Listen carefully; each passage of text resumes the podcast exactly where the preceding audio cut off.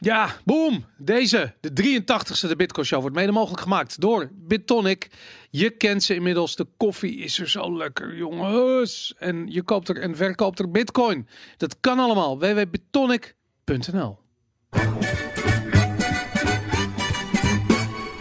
It's the Bitcoin Show with our very special hosts, Aaron, Boris, and Jan Willem. Yay! Yay! Daar zitten we, terwijl Jan nog op zijn telefoon zit. Zitten we hier klaar voor de 83ste de Bitcoin Show. Yay! Is het aflevering 83? 84. Dat 84, zat ik even te checken. Ja. Ik, het staat niet goed bij onze show notes. Ongelooflijk. Ik ben er helemaal in de war ook. 84ste de Bitcoin Show. Wat gaat het hard hè? 83, 84. Het loopt exponentieel omhoog hier bij de Bitcoin Show. Ja, dat heb je als Arend er niet eens. Hè? Dan Als wordt A- dit dingen niet bijgehouden. Als Arend eh, er niet bij zit, dan eh, raak je in de war inderdaad. Hey, wat we ook niet bij ons hebben, zijn onze eh, awards. Die hadden we op tafel moeten zetten. Oh, is dat zo? Ja, ze staan nog vier in de kast daarachter. Dus oh ja, dat, eh, tuurlijk. dat, eh, vind je dat we ze neer moeten zetten? Nee, hè? Nee joh, laat me even lekker Ja, het is gewoon, gewoon een Ja. awardloze show. Ja, Het is ook 2021. Het is misschien dat we dit jaar gewoon weer nieuwe... we moeten weer eh, opnieuw ons best gaan doen. Ja, we moeten gewoon weer hard gaan rennen. Dat, ja. Ja. ik, ik kan niet wachten. Weet jij wanneer de awards zijn? Ik weet niet meer wanneer het was vorig jaar. Eh, volgens mij zijn ze in september of oktober. Ja, Ja. na de zomer, hè, zoiets. Ja, Ja. dat staat me ook bij. Ja, god, het, eh dat wordt spannende tijden weer. Gaat, gaat weer spannend worden. Ja, Ja, de verkiezingen zijn er niks bij, jongens. Dat, eh nee, absoluut. Goed, eventjes huishoudelijk. Even snel. www.debitcoinshow.nl. Daarop is het altijd gezellig. En er staan teksten. Eh, Telegram, t.me slash de Bitcoin Show. Daar, ehm, ja, daar eh, discussiëren de meest intelligente Nederlanders, Bitcoiners van Nederland, eh, in te- in- discussiëren daar met elkaar over Bitcoin. Niet over shitcoins, niet over corona, niet zijn er over veel inmiddels, hè? 1260, zag ik zoiets. Ja. Ja, dat is best wel veel inderdaad. Ja. Goed, we zijn op Mastodon.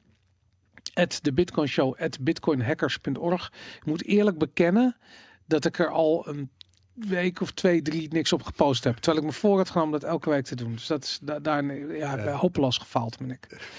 Ehm, we willen nog eventjes btcwiki.nl chillen. Eh, vorige week heb ik het niet helemaal goed gedaan, want ik zei dat het een eh, plek was waar ehm, ja, FUT gedebunked kon worden, maar dat je niet specifiek. Toen had Arend had nog bedacht dat het leuk zou zijn als je bepaalde artikelen specifiek kon debunken. Toen zei ik, ja, volgens mij is dat niet het concept, maar dat blijkt dus wel gewoon aan de hand te zijn op btcwiki.nl. Dus ehm, krijg je domme fut van domme mensen. eh, sleep ze aan de haren naar btcwiki.nl en dan vind je daar alle gedebunkte fut. Vergeet niet te liken en subscriben als je dit kijkt op YouTube. Heel belangrijk, want alleen samen kunnen we vechten tegen de demonisering van de smeerlappen in Silicon Valley.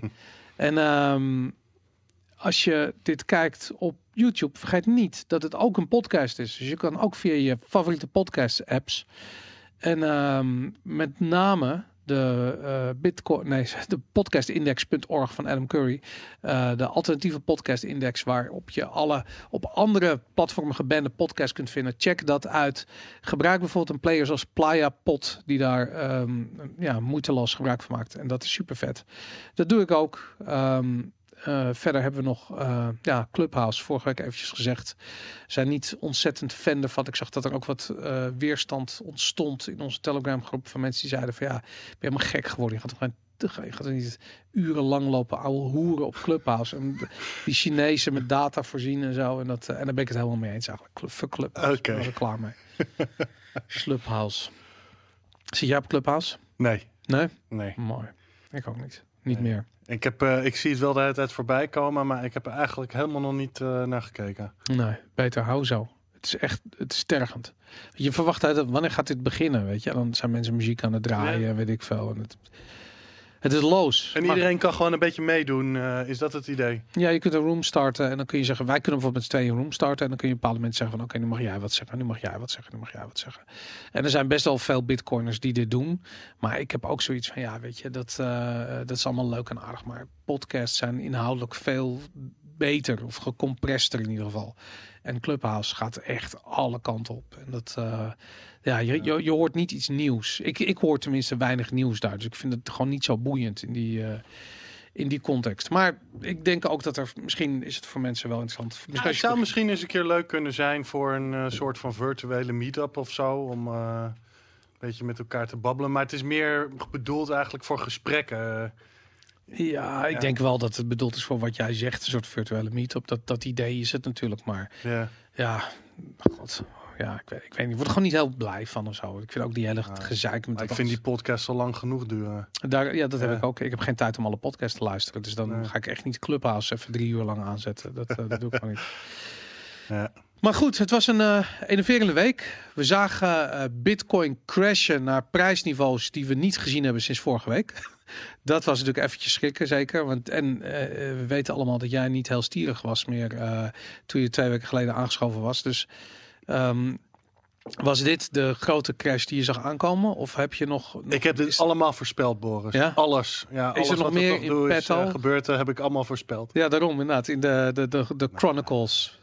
Nee, ja, ik, eh, nogmaals, ik dacht wel dat eh, na de halvening eh, de prijs van Bitcoin omhoog zou gaan. Niet dat hij zo snel zo hoog zou komen als nu. Dat eh, had ik wat minder ingezien.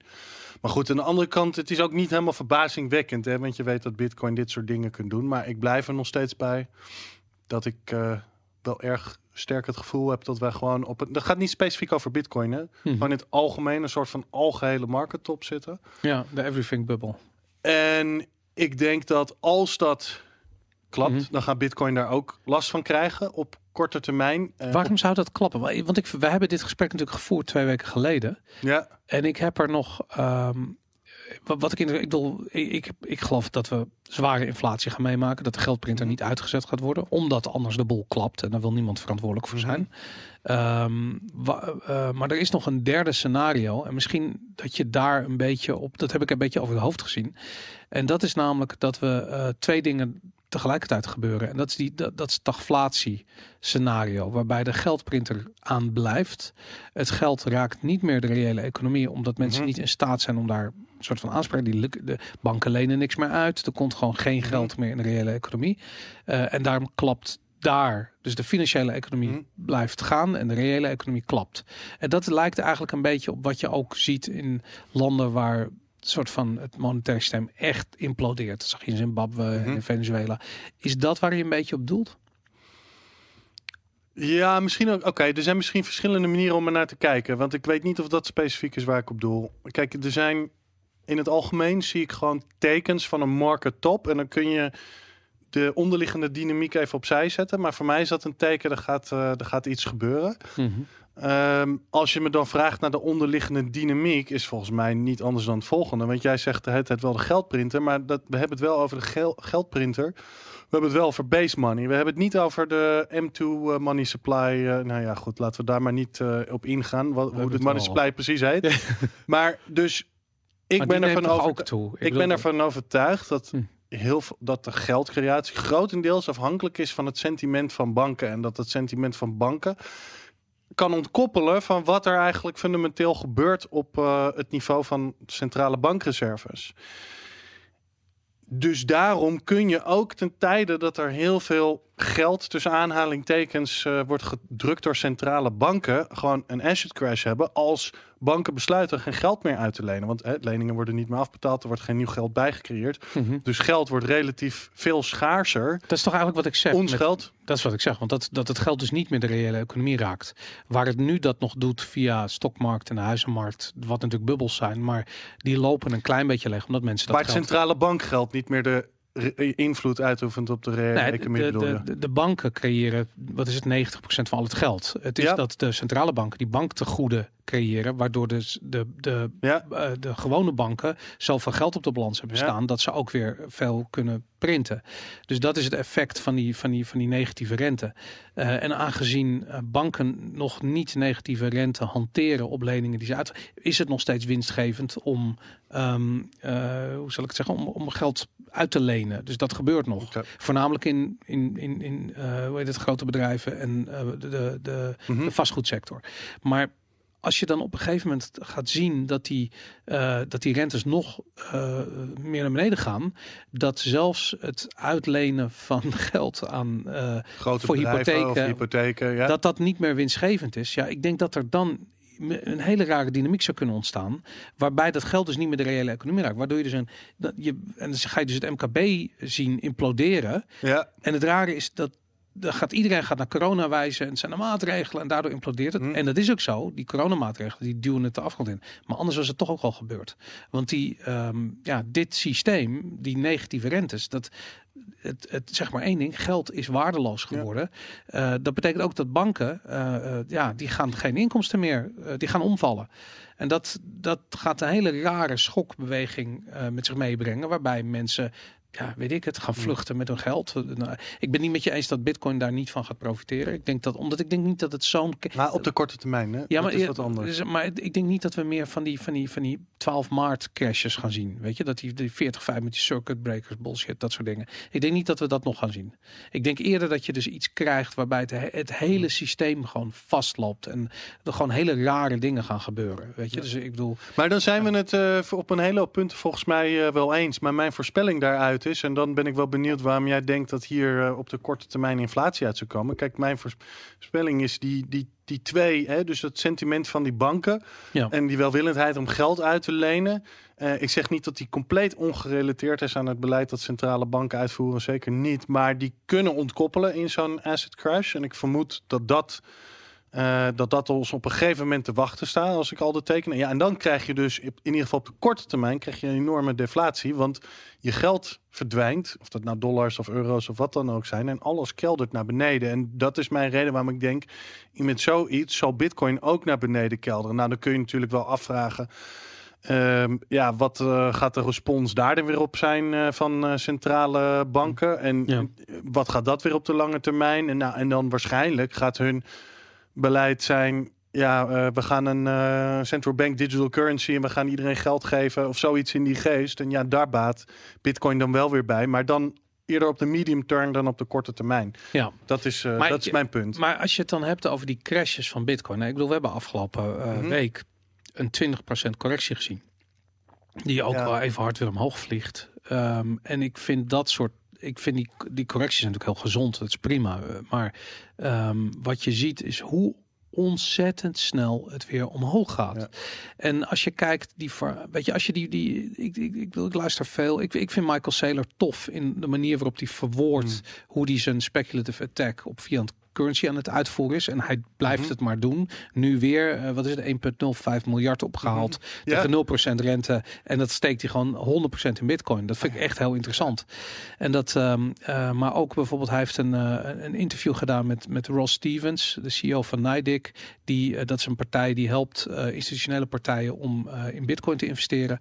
En die zegt van, er staat nu al 25 miljard op Mhm. de, eh, in de wachtrij om dit jaar geonboard te worden.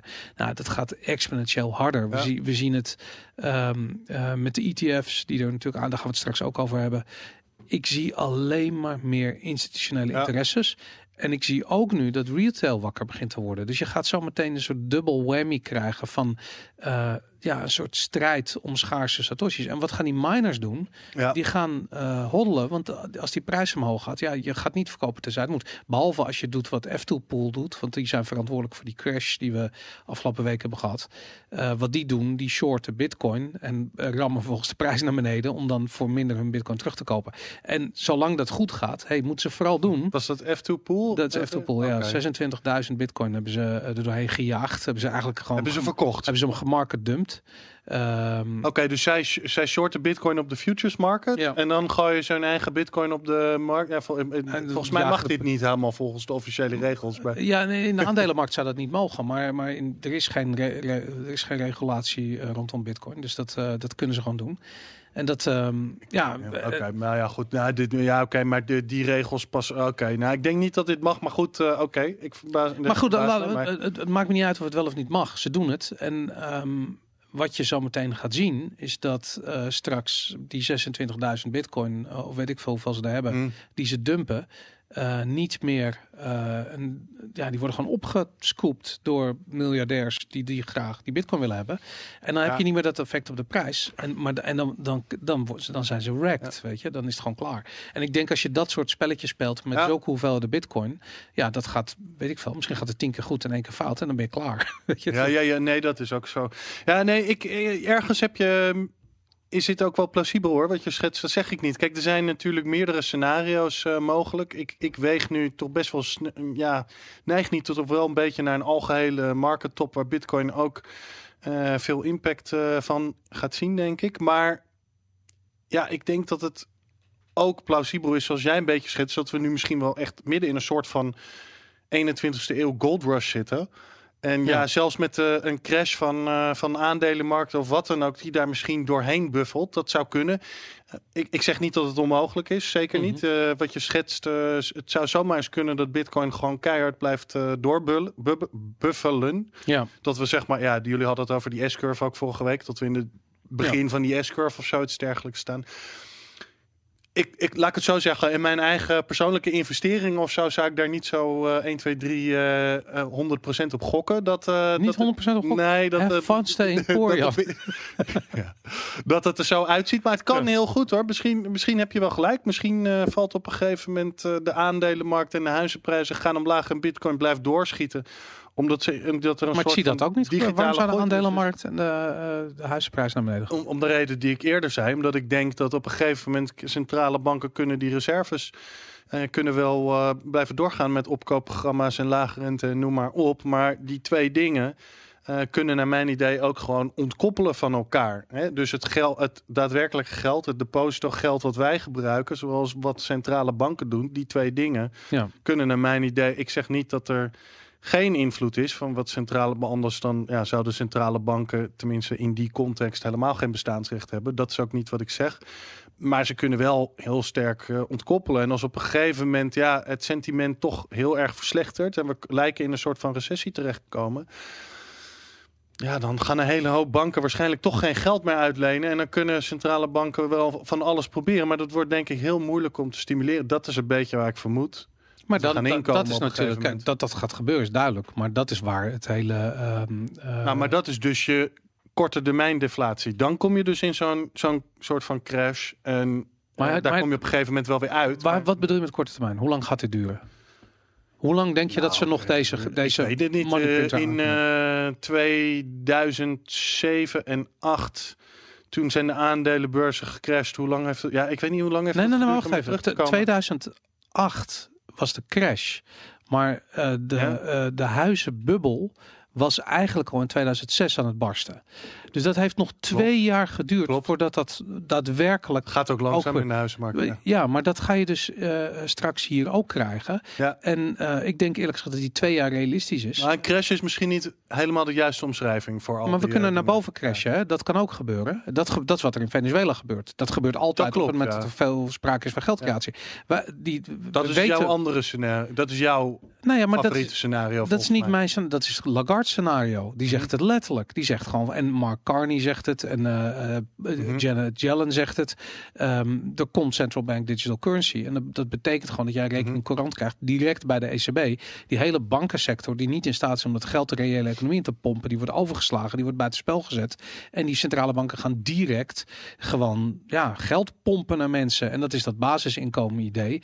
En ik heb zoiets van ja, als je daarvoor bent of tegen bent, whatever, het dondert niet, het gaat er gewoon komen. Ja. En ik denk dat dat extreem bullish is voor Bitcoin. Want eh, dat zie je nu al met die stimulus checks. Waar gaat het geld naartoe? Aandelen en Bitcoin. Mensen beginnen gewoon massaal op Robinhood gewoon te gokken met dat geld.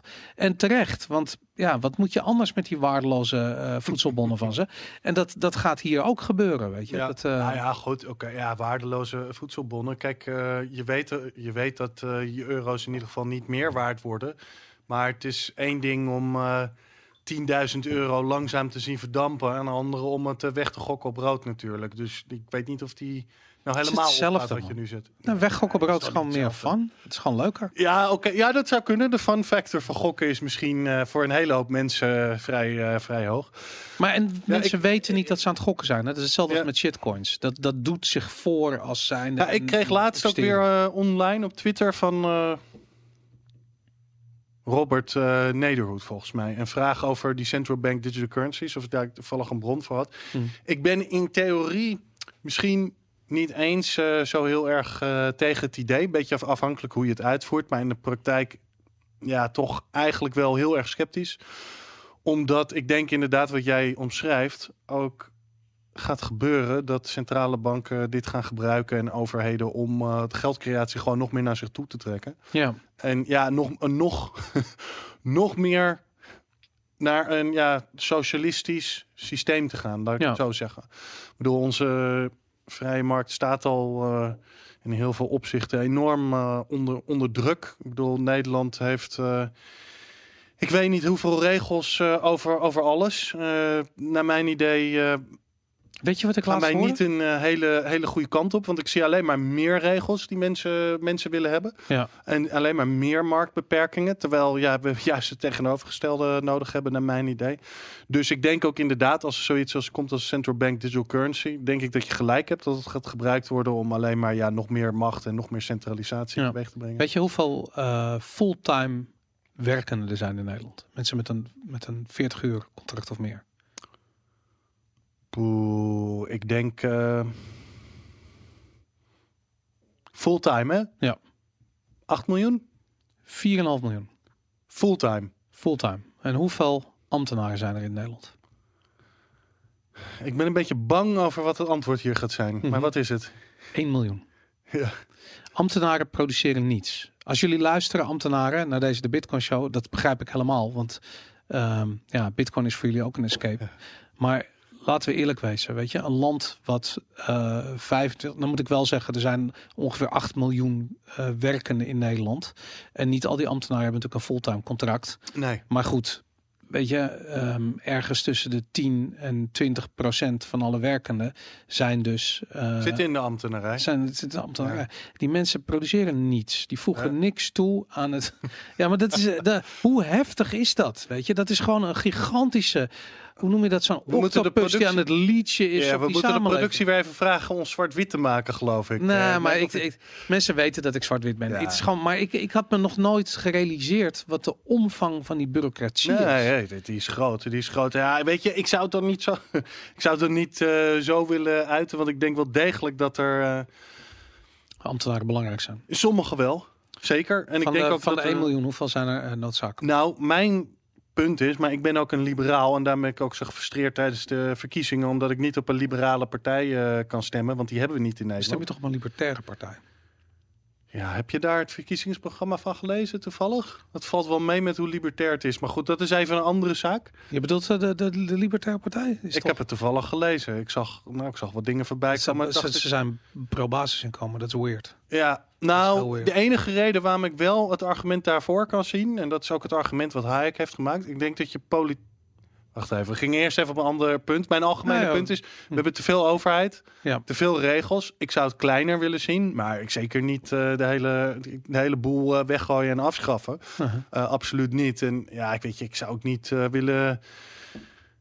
Ja, ik zou ook niet willen zeggen dat alles wat al die eh, ambtenaren doen nutteloos is. Zeker niet. Dat, dat zou ik een beetje onrechtvaardig vinden. Maar ik moet wel kleinschaliger en er moeten minder regels. En we moeten ophouden met, ja, ik zag nou ook weer een regel: 40% sociale woningbouw. Ja, en dan gaat er bij mij een bel rinken. eh, jongens, is dit nou wel eh, allemaal zo'n eh, heel goed idee? En dan word ik ervan beschuldigd dat ik, ja, dat ik eh, iedereen eh, maar eh, op straat wil schoppen en dakloos wil maken. Nee, het is juist dat, dat ik dat niet wil, Ja. dat ik mij zorgen maak over sociale woningbouw. Maar goed, oké, dat is een andere, de, andere discussie.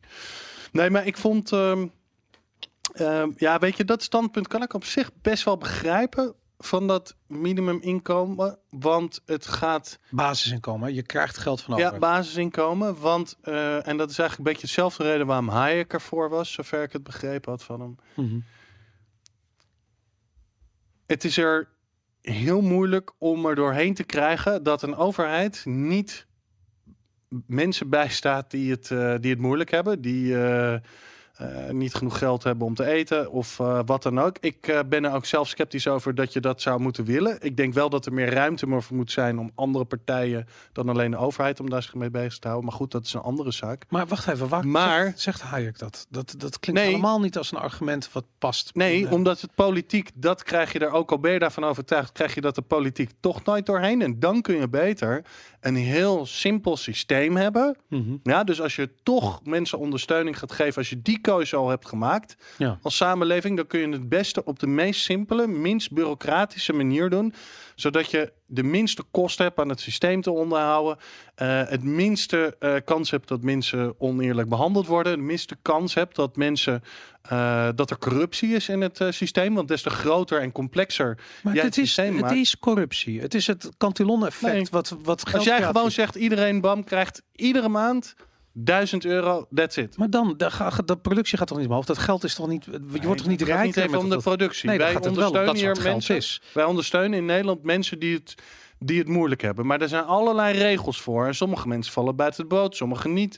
Eh, daar zit een hele bureaucratische Maar, da- maar, maar dat begrijp ik Waarom niet gewoon iedereen 1000 euro geven? Dat is het argument van Hayek. Dat is veel simpeler, veel duidelijker. Je geeft fairer. niks. Geld is op zichzelf niets. Het vertegenwoordigt de productie in een land. Als die productie niet verhoogd wordt, dan is het. Als dan ik je duizend- meer geld hebben. Als ik, maar dat is 1000 niet meer euro, als ik 1000 euro heb, kan ik daar echt wel van naar de Albert Heijn om iets te kopen. Omdat je, eh, nee, eh, en zeker niet als het basisinkomen is. Want dat is het klassieke geval van het Cantillon-effect. Dat je helemaal achter in de rij staat.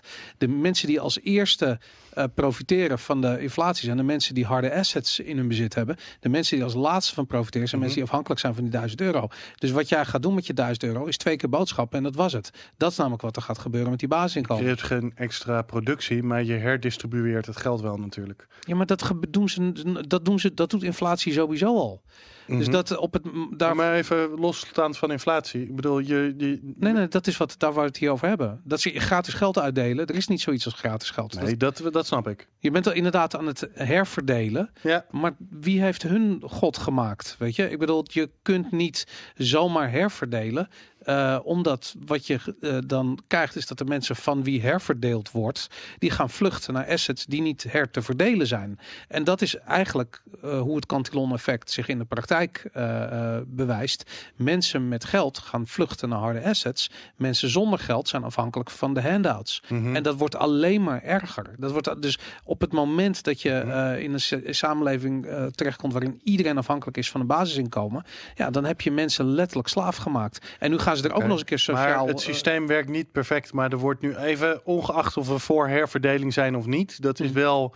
ehm, het werkt niet perfect in het huidige systeem, want zeker mensen met heel veel geld. Uh-huh. Dus heb ik het niet over de middenklassers die eh 80.000 euro per jaar verdienen. Heb ik het echt over de mensen met heel veel geld. Die weten wel een manier om te, om te ontvluchten aan een hele hoop van die regels. Maar het netto-effect is wel dat er in Nederland een gedeelte van het geld gewoon wordt herverdeeld. Ook al werkt dat systeem niet perfect. Ja. En ik snap niet zo goed waarom. we eh, ja, ik snap wat je zegt, dat dat niet perfect werkt. En dat mensen inderdaad gaan proberen dat te omzeilen als ze veel geld hebben. Ik bedoel, iedereen die eh, veel geld heeft, eh, die daarop belast wordt, die gaat proberen manieren te vinden om dat te omzeilen op wettelijke manieren. En als er soms, ja, misschien echt oneerlijk zijn, proberen ze dat op, op niet-wettelijke manieren. Ehm, zo'n uitspraak, hoe heet het? In het Engels, the rich avoid and the poor evade. ja, ja. Maar dat werkt niet 100% en perfect. Dus er is wel een netto effect van herverdeling Maar- door ons En belastingstelsel. wie betaalt daar de prijs voor? Dat is de middenklasse. De middenklasse is aan het verdwijnen. Klopt. En dat nee, zie je klopt. sinds Nee, maar 1971 dat, eh, overal. Nee, maar daarom zouden dit soort, dit, dit soort systemen, dit soort simpele systemen, daar zouden daar juist aan bij kunnen dragen. Nogmaals, ik denk niet dat je mensen die zo welvarend zijn, die gewoon kunnen ja, jurisdictie eh, hoppen en dat soort dingen. En ja, dat, dat wordt altijd eh, heel, erg, eh, heel erg lastig. Maar je kunt je systeem wel simpeler en betaalbaarder en efficiënter en eerlijker eh, Ja, maar dat gaat nooit gebeuren. Ik bedoel, een bureaucratie houdt zichzelf in stand. Dat betekent dat we straks Eens. meer, meer bureaucratie hebben. Eens. En, en Eens. belastingen gaan omhoog. Want eh, hoe Eens. heet het? eh, de, de, basisinkomen moet betaald worden. En uiteindelijk, de, de, de rekening wordt betaald door de middenklasse. He- en die zijn nu al aan het bloeden vanwege corona. En dat, dat wordt alleen maar erger. Helemaal met je eens. En de enige manier volgens mij om dat eh, weer recht te trekken is door veel meer eh, populaire inmenging in de, in de politiek. Eh, want we hebben nu een soort van hele indirecte elite-democratie eigenlijk. Ja. Eh, en de enige manier om dat eh, te veranderen is een meer eh, populaire inbreng in eh, besluitvorming. Maar die zie ik vooralsnog eh, niet komen. Want zelfs D66 eh, wil geloof ik eh, referenda inmiddels eh, afschaffen. Nou, daar zijn zij zijn heel open over. De, de democratie willen ze afschaffen. Er zijn, Dus, eh, zij zijn ja. zelfs de hoofdelijke aansprakelijkheid aan het, aan het afschaffen Ja. in de Tweede Kamer. Maar wat jij zegt is precies eh, het probleem wat eh, Milton Friedman eigenlijk zei over de overheid. Als jij een markt hebt en marktwerking en een partij, een organisatie doet het niet goed in een markt, ja, dan worden ze gewoon weggeconcurreerd op een gegeven moment. Er zit ook heel veel inefficiëntie hoor in een markt. Eh, het, weet je, een markt is niet eh, compleet 100% rationeel. Hm. Het is wel zo dat partijen die consistent irrationeel blijven en niet goed performen, op een gegeven moment in een redelijk goed werkende markt er wel uit worden eh, Ja. gewerkt. Ehm, ja, weet je, in, in sommige markten zien wij dat ook. In sommige misschien wat minder. Ik bedoel, als je de KLM bent, dan eh, ja, word je waarschijnlijk tot het einde der tijden door eh, onze politici gesteund.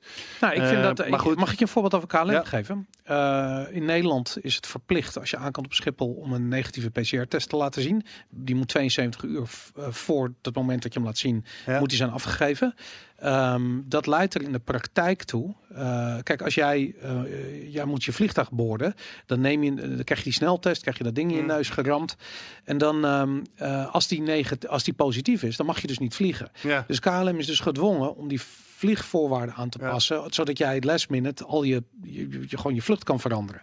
Nou, dat hebben ze gedaan, maar het is nog steeds niet genoeg. Want doen mensen die vliegen gewoon via Brussel en Parijs en Frankfurt en weet ik veel, waar je allemaal die onzin met die PCR-test niet hebt. Dus KLM is echt aan het bloeden op, op die Ja. concurrentie, omdat de overheid zich aan het bemoeien is met iets wat een Ja, vrije nee, markt heb je ook wel eh, activiteit moet zijn. Ja, daar heb je ook wel gelijk. En, Ja, maar dit nee, dat, gebeurt, eh, dit gebeurt over de hele linie natuurlijk. Ik ben een beetje, misschien eh, komt en je hebt, nee, daarom heb je ook wel enigszins gelijk inderdaad dat, dat er iets van staatssteun is voor de KLM. Ik, ja, ik, maar ik ben er een beetje geïrriteerd over dat er vooral heel veel staatssteun naar de KLM gaat vergeleken met allerlei andere ondernemers Ja. die er ook last eh, van hebben. Ja. Dat, is, dat is een beetje wat mij, eh, ja, daar zijn we het helemaal een over. klein beetje stuit. Maar je hebt in principe wel gelijk dat dat eh, ook wel enigszins terecht is. Maar dan even helemaal terug naar het begin. Jij ziet, jij ziet een market top op dit ogenblik.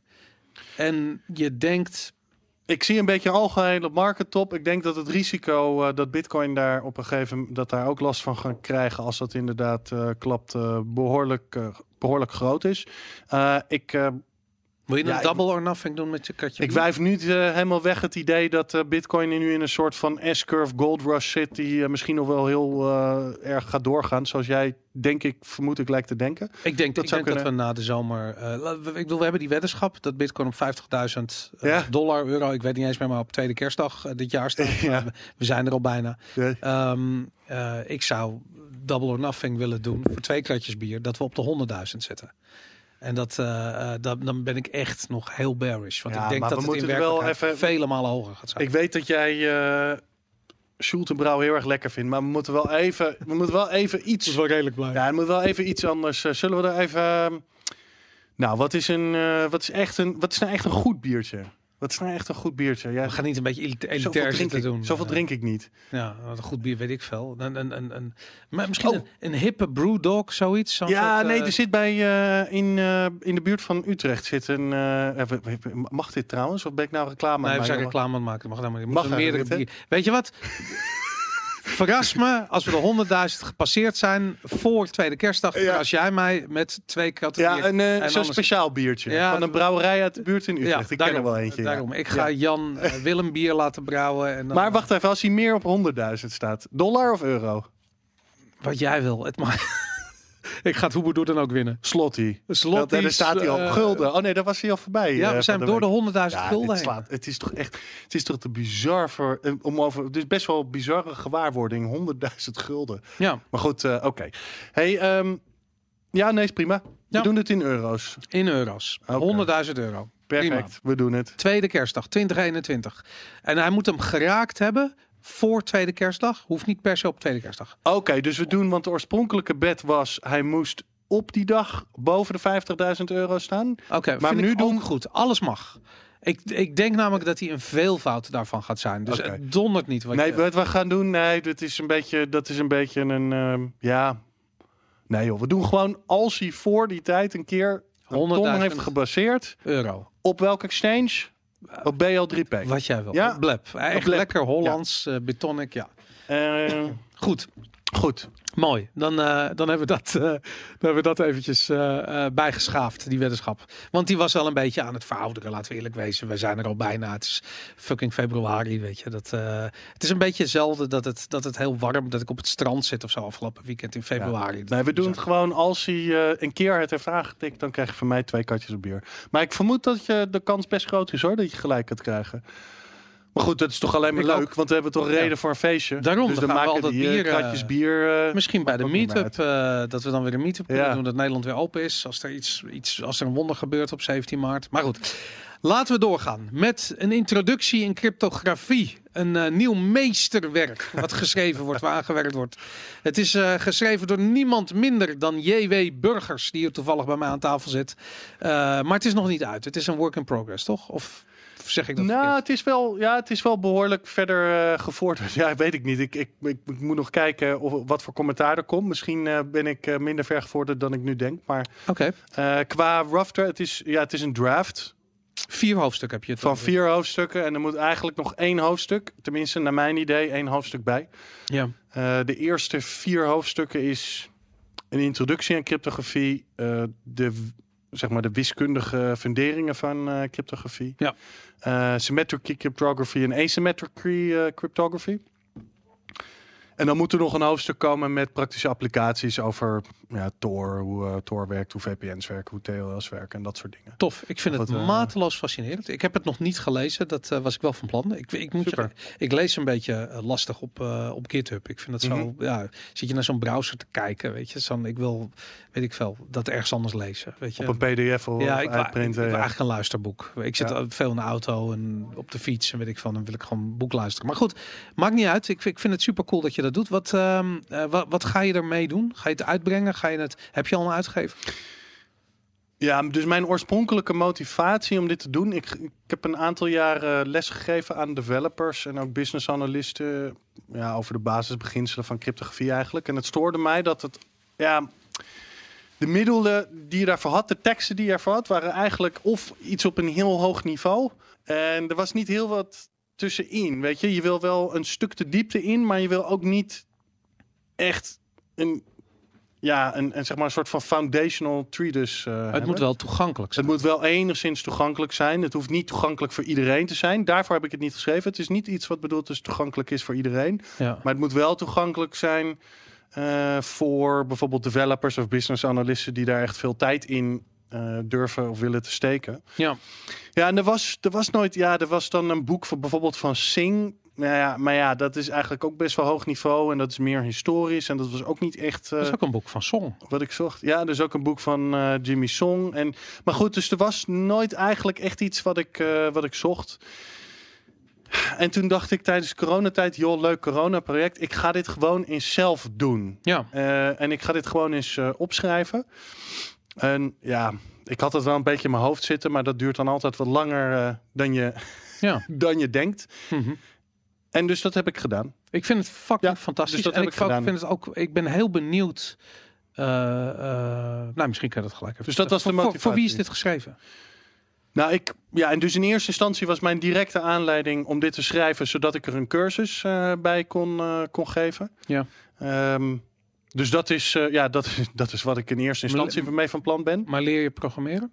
Zit er, zit er, Nee, zit er zit geen. Eh, ja, in, er, zit- veel? nou, er zit wel wat. Er zit wel techniek eh, bij in die cursus. Ja. Maar het is vooral wiskundig. Dus de wiskunde ook die je in het boek ziet. Ja. En het is niet echt in de zin van dat je moet programmeren of iets, of iets dergelijks. Oké. Dus dat was, eh, dat, was mijn eerste, dat was mijn eerste motivatie. En verder, ja, eh, ik- zou het heel tof vinden als er mensen commentaar wouden geven op het boek. Nogmaals, het was eh, ja, voor mij ook al had ik het idee dat ik zeg maar de basis van cryptografie redelijk onder de knie had. Mhm. Ja, was het toch nog best wel lastig om dit allemaal op te, op te schrijven. Ja. Dus ja, ik hoop dat er eh, mensen zijn die, eh, die thuis zitten en eh, denken: ik vind het leuk om te lezen. En ik ga ook eens wat commentaar geven. Je kunt pull requests doen, je kunt me mailen, whatever. Ehm, ja, en dan zien we wel. ja. Het, is niet, het was nooit echt mijn intentie om het boek uit te geven bij een uitgever of zo. Ik weet ook niet of het daar echt goed genoeg voor is. Maar ja, ik vind het gewoon leuk om, om cursussen daarover te geven. Dus ik hoop dit met, een, met een cursus in ieder geval een, ja, een aantal keer per jaar misschien te doen. En ja, misschien eh, dat er een hele hoop mensen zijn die het eh, lezen en daar eh, denken van, hey, dit is wel handig om te, om te weten. Ja. Dus eh, dat is een beetje mijn intentie erbij. Kijk, als je met Bitcoin heel erg bezig bent, dan, want ik heb ook nog een tweede repo uitgegeven erbij. Mhm. Dat was eigenlijk een, een ander ideetje en die vond ik eigenlijk nog moeilijker te schrijven dan die over cryptografie. Ja. Want toen ik met die met cryptografie klaar was, had ik het briljante idee. Als je Bitcoin, aan Bitcoin begint, kom je al heel snel, ja, een beetje afhankelijk van uit welke hoek je komt. Mhm. Maar kom, loop je al heel snel tegen allerlei technische barrières aan. En als je echt dingen wil weten over bitcoin en privacy en dat soort, eh, dat soort zaken, dat zijn vragen die je vaak krijgt van, Ja. eh, van mensen. Ja, dan moet je ook wel toch het een en ander weten over hoe computers werken, over TCP/IP eh, werkt en dat soort zaken. Dus ik had het idee, joh, weet je, nu ik klaar ben met die cryptografie introductie, schrijf ik er nog wat eh, algemene stukken over Linux, VOS, eh, Command line control. command line. eh, Ja, Ik zit er nu naar te kijken hoor. Niet dat- TCP/IP Ja. model. eh, ik, weet, ik weet niet wat ik allemaal erop heb gezet. Vet. Maar die waren nog veel lastiger. Oh ja? Dus als er mensen thuis zijn, ja, wat, de Linux vast, Git, ehm, command line, een stuk en dan een stuk over TCP/IP en ook een stuk over pe- peer-to-peer netwerken. Maar die vond ik nog veel lastiger Oké. om te schrijven. En ik moet ook bekennen dat er echt eh, best wel, ja, daar kwam ik wel echt ook een beetje mezelf, echt wel mezelf tegen toen ik dat schreef. Want ik dacht dat ik wel enigszins een idee had hoe dat allemaal werkte. Maar dat was best wel, dat was wel echt veel. Ja, daar Ja. wist ik minder van, zeg maar, dan ik, eh, dan ik eigenlijk dacht dat ik eh, wist. Dus, nou ja, goed, als er mensen zijn die daar verstand van hebben, en naar willen kijken en commentaar op geven, heel graag. Nou goed, dat kan allemaal op, op, Dus, eh, ehm, op GitHub. De links staan in de show notes. Ehm, ik vind het super tof. Ik denk dat er niks beters is eh, om kennis te verwerken dan erover te schrijven. Omdat Zeker, je ja, eh, gedachten ordent. Ehm, en dat, eh, ja, ik vind het heel tof. Het is iets wat al heel lang op mijn lijstje staat om meer te gaan schrijven over Bitcoin. En ik heb geen zin om te schrijven voor, weet ik veel, websites. Waar zou je over willen schrijven, wat betreft Bitcoin? Ik vind, de, ik vind de, de spel, eh, eh, speltheorie technische kant vind ik denk ik het leukste van Bitcoin. Oké. En, eh, maar moet ik wel zeggen, daar wordt al heel veel over geschreven. En daar wordt al natuurlijk ook al heel veel over verteld. Dus, eh, eh, maar wat ik wel merk, wat ik altijd heb, is dat als mensen iets willen weten over Bitcoin en bij me komen, ik schat ze vaak verkeerd in. Dus bijvoorbeeld mensen doen dan alsof ze eigenlijk willen weten wat Bitcoin is, maar wat ze eigenlijk willen weten is hoe koop ik het. Weet je, iets Ja. heel banaals. Of eh, ze zeggen van ja, ik snap, eh, eh, ik heb allemaal, ik weet precies wat er gebeurd is, of de geschiedenis van, of hoe dat, hoe de nood zich verhouden tot een mining, weet Ja. ik wel, dat soort shit. En dan dan praat je daarover. Dan denk je van, nou, ze willen die kant op met het gesprek. En dan heb je het daarover. En dan is dat helemaal niet aan de hand. Weet je, het is helemaal niet interessant. Ze hebben alleen maar zoiets van, ja, weet je, hoe kan ik een, hoe, hoe weet ik dan zeker dat mijn transactie veilig is? En dat, het is zo lastig om, Bitcoin heeft zoveel verschillende ingangen. Dat het is heel moeilijk eh, om in te schatten wie waar zit. En dat vind ik zo tof aan deze podcast. Ik vind, weet je wat ik echt tof vind aan de Bitcoin Show? Ja, is dat we niet 100.000 luisteraars hebben. Weet je, we hebben er wat 3, 4.000 per, eh, per aflevering eh, op YouTube bij wijze van spreken. En misschien nog eens een keer dat op, eh, op, de, op, op de podcast. Maar daarvan weet je gewoon van, oké, dat zijn mensen die een, een begrip hebben van de basis. En die zijn op zoek naar meer kennis over specifieke eh, Hmm. onderwerpen die binnen het Bitcoin domein van. Of dat nou, weet ik veel, macro-economie is. Of de eh, beleid van de centrale banken of eh, een of andere cryptografische uitdaging of een exchange die gehackt is. Dat, dat, dat kan allemaal. Alleen het niveau moet gewoon ho- omhoog. En ik merk dat heel veel mensen blijven hangen op dat, op dat, op dat gelul over die prijs. En dan raak je ze ook kwijt aan shitcoins. Terwijl als ze nou, Ja. als ze nou de basis zouden begrijpen, als ze nou zouden begrijpen hoe belangrijk de proof of work uitvinding is, dan zouden ze niet voor al die shitcoins gaan. En dat, dat, ik zie dat met leden ogen aan. En ik begrijp, kijk, als je naar de prijs kijkt, ja, dan je hoeft maar je vingers te knikken, knippen. Of je bent afgeleid door de prijs van een of ander shitcoin project die, weet ik veel, 100% doet op een dag. Weet je, dan denk je, ja, natuurlijk is dat, ga je achter die kaarsen aanjagen. Dat snap ik dat dat gebeurt. Maar het is wel heel dom. En dat, daarom heb ik zoiets van, ja, hoe meer van dat soort brede algemene kennis je kunt delen met die mensen, des te beter. Alleen ja, ik, ik heb zoiets van, die kennis heeft gewoon een hele laagdrempelige introductie nodig.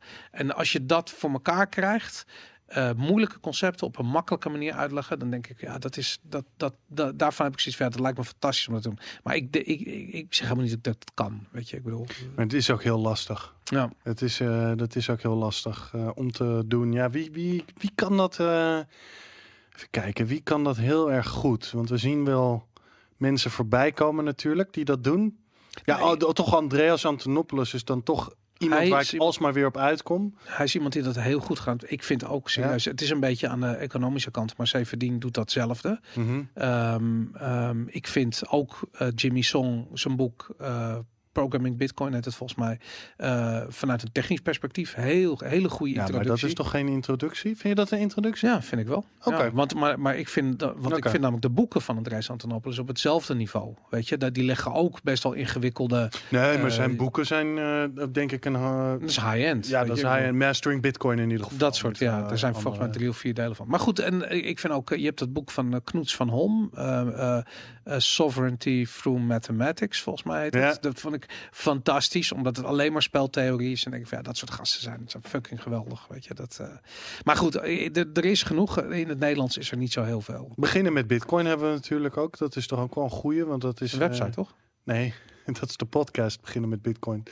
Van onze eigen kloekloek. Eh, de podcast, Ja. natuurlijk. Ja, ja, inderdaad. Ja, zeker. Nou, dat is ook wel een eh goede. En Dus ja... er is ook een website, beginnen met bitcoin.com. Oh ja, dat zal ongetwijfeld. eh, Ja, dat is een hele goede website. Ja. Daar stuur ik redelijk veel mensen heen. Ja, dus ehm, ja, er zijn wel wat, eh, er zijn wel wat kanalen inderdaad. Maar goed, daar richten wij ons niet helemaal op. Nee.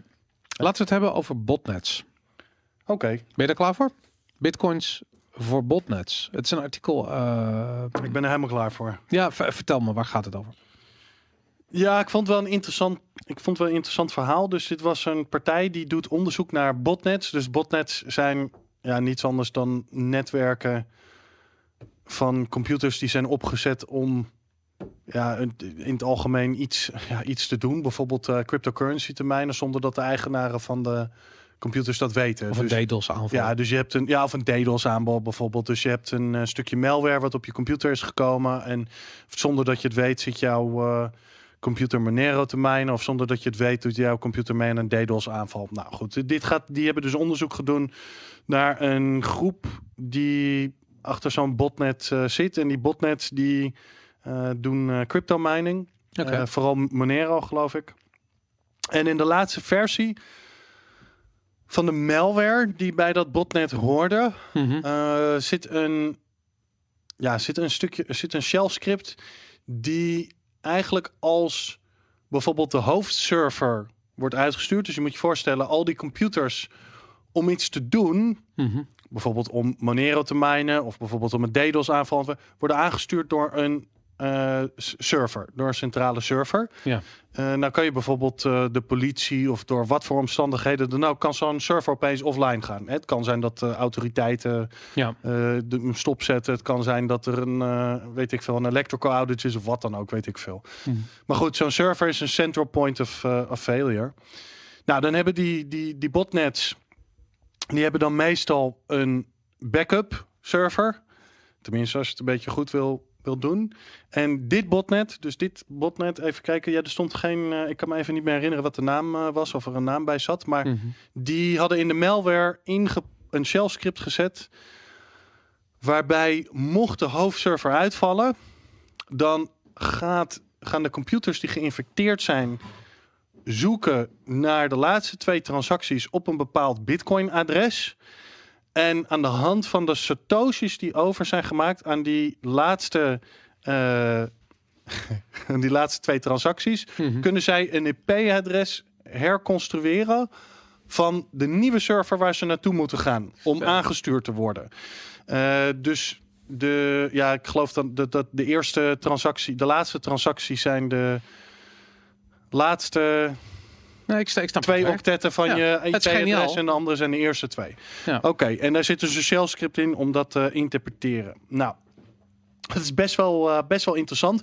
Dat, eh, IP, dat, eh, sorry, dat Bitcoin-adres overigens, moet ik erbij zeggen, eh, lijkt niet van die partij zelf, maar lijkt iets te maken te hebben met een mixer. Dus ze doen dit, die transacties, naar dat adres wat niet van hunzelf is. Nou, waarom doen ze dat? Omdat er ook natuurlijk van allerlei andere dingen binnenkomen op dat adres. En dat maakt het wat moeilijker om te zien dat er iets gebeurt Ja. met dat adres door autoriteiten of door die eh, mensen misschien zelf. Oké, eh, de voordelen hiervan. De voordelen hier zijn, van zijn natuurlijk dat je heel dynamisch je bots, je geïnfecteerde computers opnieuw kunt aansturen. Ja. Want op ieder moment kun jij een transactie maken naar dat, naar dat adres of twee transacties moet je, moet je hebben. Ja. En dat hoeft niet per se heel veel te kosten, want het gaat om de hoeveelheid satoshis die erin zitten. Hè? Dus via een klein Ik vind Interpreter, het- eh, geniaal, ja. halen ze daaruit wat het nieuwe IP-adres moet zijn. Nou, Ja. dat hoeft niet zo heel veel te kosten. Ik geloof dat zij. Ja, nou ja, goed, dat kun je uitrekenen, Ja. maar eh, dat, dat, dat, dat, dat hoeft niet zo heel veel eh, te ja. kosten. Ehm, en dat, dan, ja, dan ben je dus wel als botnet vrij dynamisch en, en wendbaar. En ja, mocht er iets gebeuren met, eh, met je server, kun, je, kun je redelijk makkelijk een andere kant op gaan. Ik denk wel, dat is de andere kant van het verhaal. Dus verhaal. Het model eh, hangt er wel een beetje van af dat mensen niet helemaal weten wat je aan het doen bent op dat Bitcoin-adres. Maar het is een transactie van, van weet ik wel, een paar duizend satoshi. Valt toch niet op? Nee, oké, maar nu hebben ze dus zo'n eh, adres wel ontdekt. Ja, Eh, want daar, dat, dat, dat, dat hadden ze dus aangetoond in het onderzoek dat het adres daarvoor werd gebruikt. En als het eenmaal ontdekt is, is het vrij makkelijk om dat adres ja, te spammen. Dus eh, wat je bijvoorbeeld kunt doen, is een programmaatje bouwen. Hè? Iedere keer als jij twee transacties ziet op dat adres die een bepaalde structuur hebben, hè, ja, dan weet je het. dan moet je een nieuwe, eh, eh, een nieuwe transactie maken. En waarom? Want dat botnet interpreteert altijd de laatste twee transacties Ja. voor het nieuwe IP-adres. Dus IP-adres, sorry.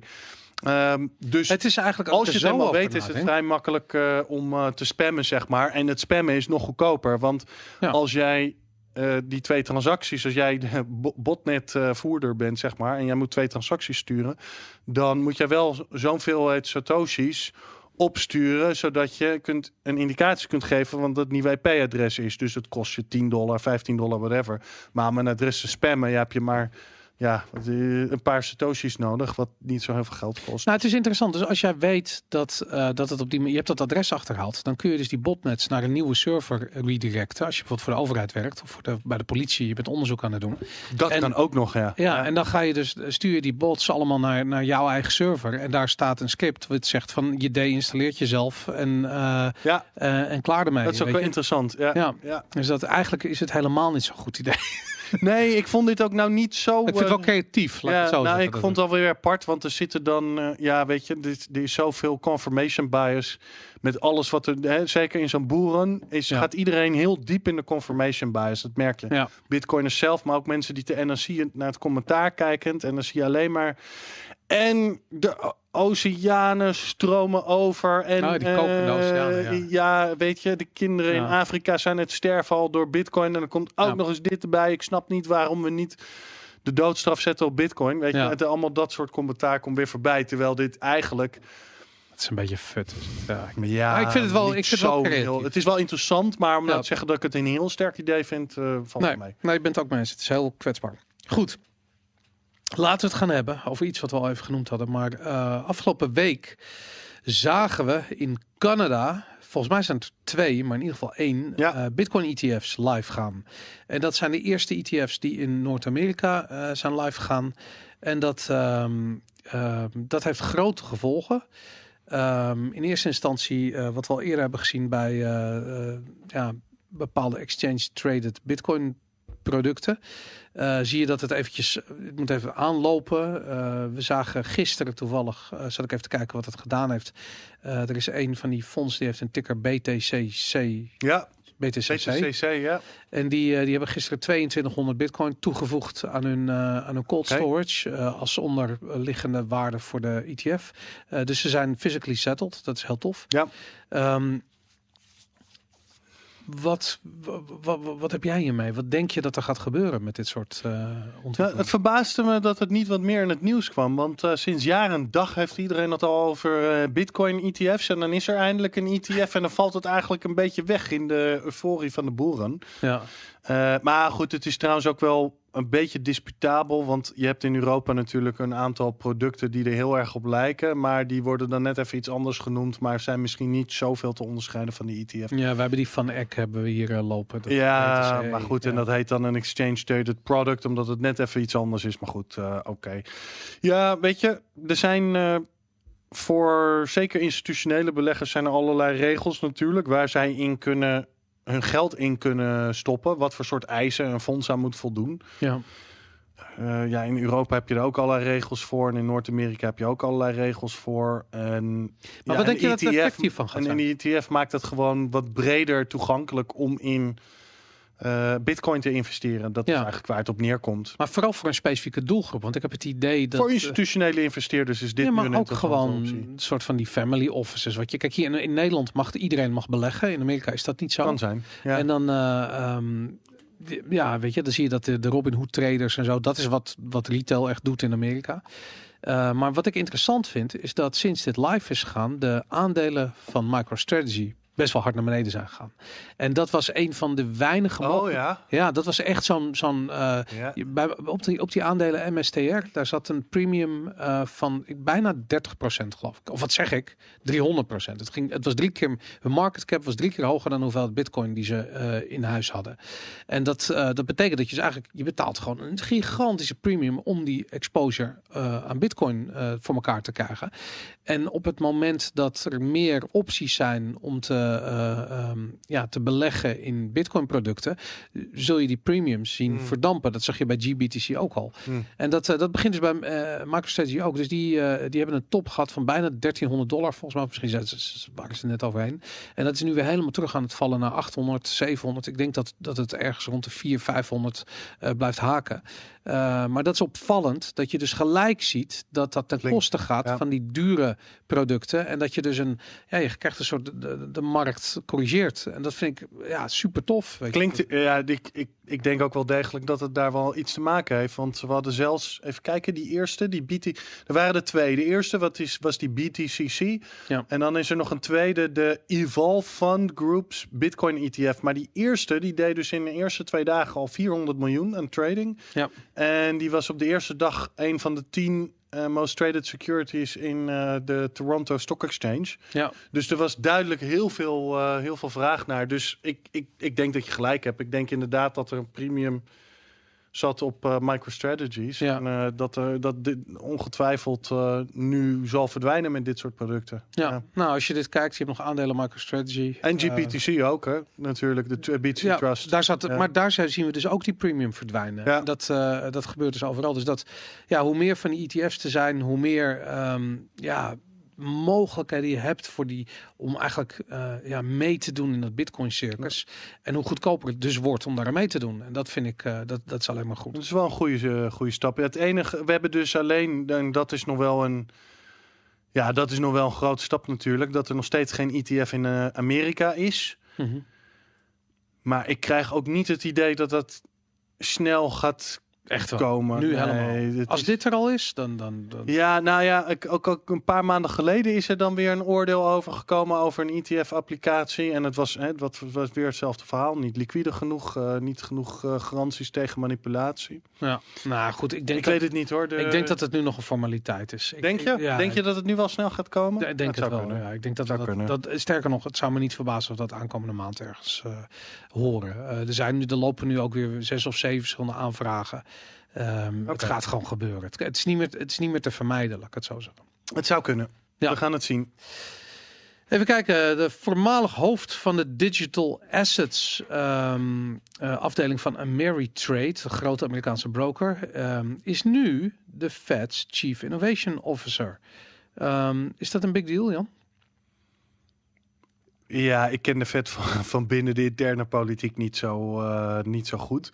Hm. Eh, laat ik het zo zeggen. Ehm, innovatieplekken binnen organisatie zijn heel vaak eh, om ehm, ja, mooie een beetje window dressing te geven. En inhoudelijk wordt er vaak slecht naar geluisterd. Ja. En ik, maar ik weet niet of dat bij de Federal Reserve zo, eh, zo is. Maar slecht is het natuurlijk niet. Het is eigenlijk een voorbeeld van... Ja, ik weet je, we hebben er verder niet heel veel over te zeggen natuurlijk. Maar Sunan- Sunaina. Tutea... Tutea Ja. ik, ik, ben, ik weet bijna zeker dat ik dit niet goed uitspreek. Uh-huh. Kijk, het is natuurlijk wel goed. Kijk, we hebben natuurlijk nu best wel veel plekken. En ik, ik merk het vooral in Amerika. En het, ik, ik vind het een beetje vervelend dat ik dat in Europa niet kan echt, echt kan aanwijzen. Maar je hebt natuurlijk in Amerika eh, die Francisco eh Cordoba, heet die, geloof ik, eh, in die, die mayor in Miami. Ja. Je hebt die Cynthia Loomis in de, in de banking sector. Je hebt... ehm, nu deze dame die toch best wel op een hoge plek zat. Die had die Brian Brooks Ja. bij die OCC die een eh, tijd lang een hoge plek eh, heeft eh, bekleed.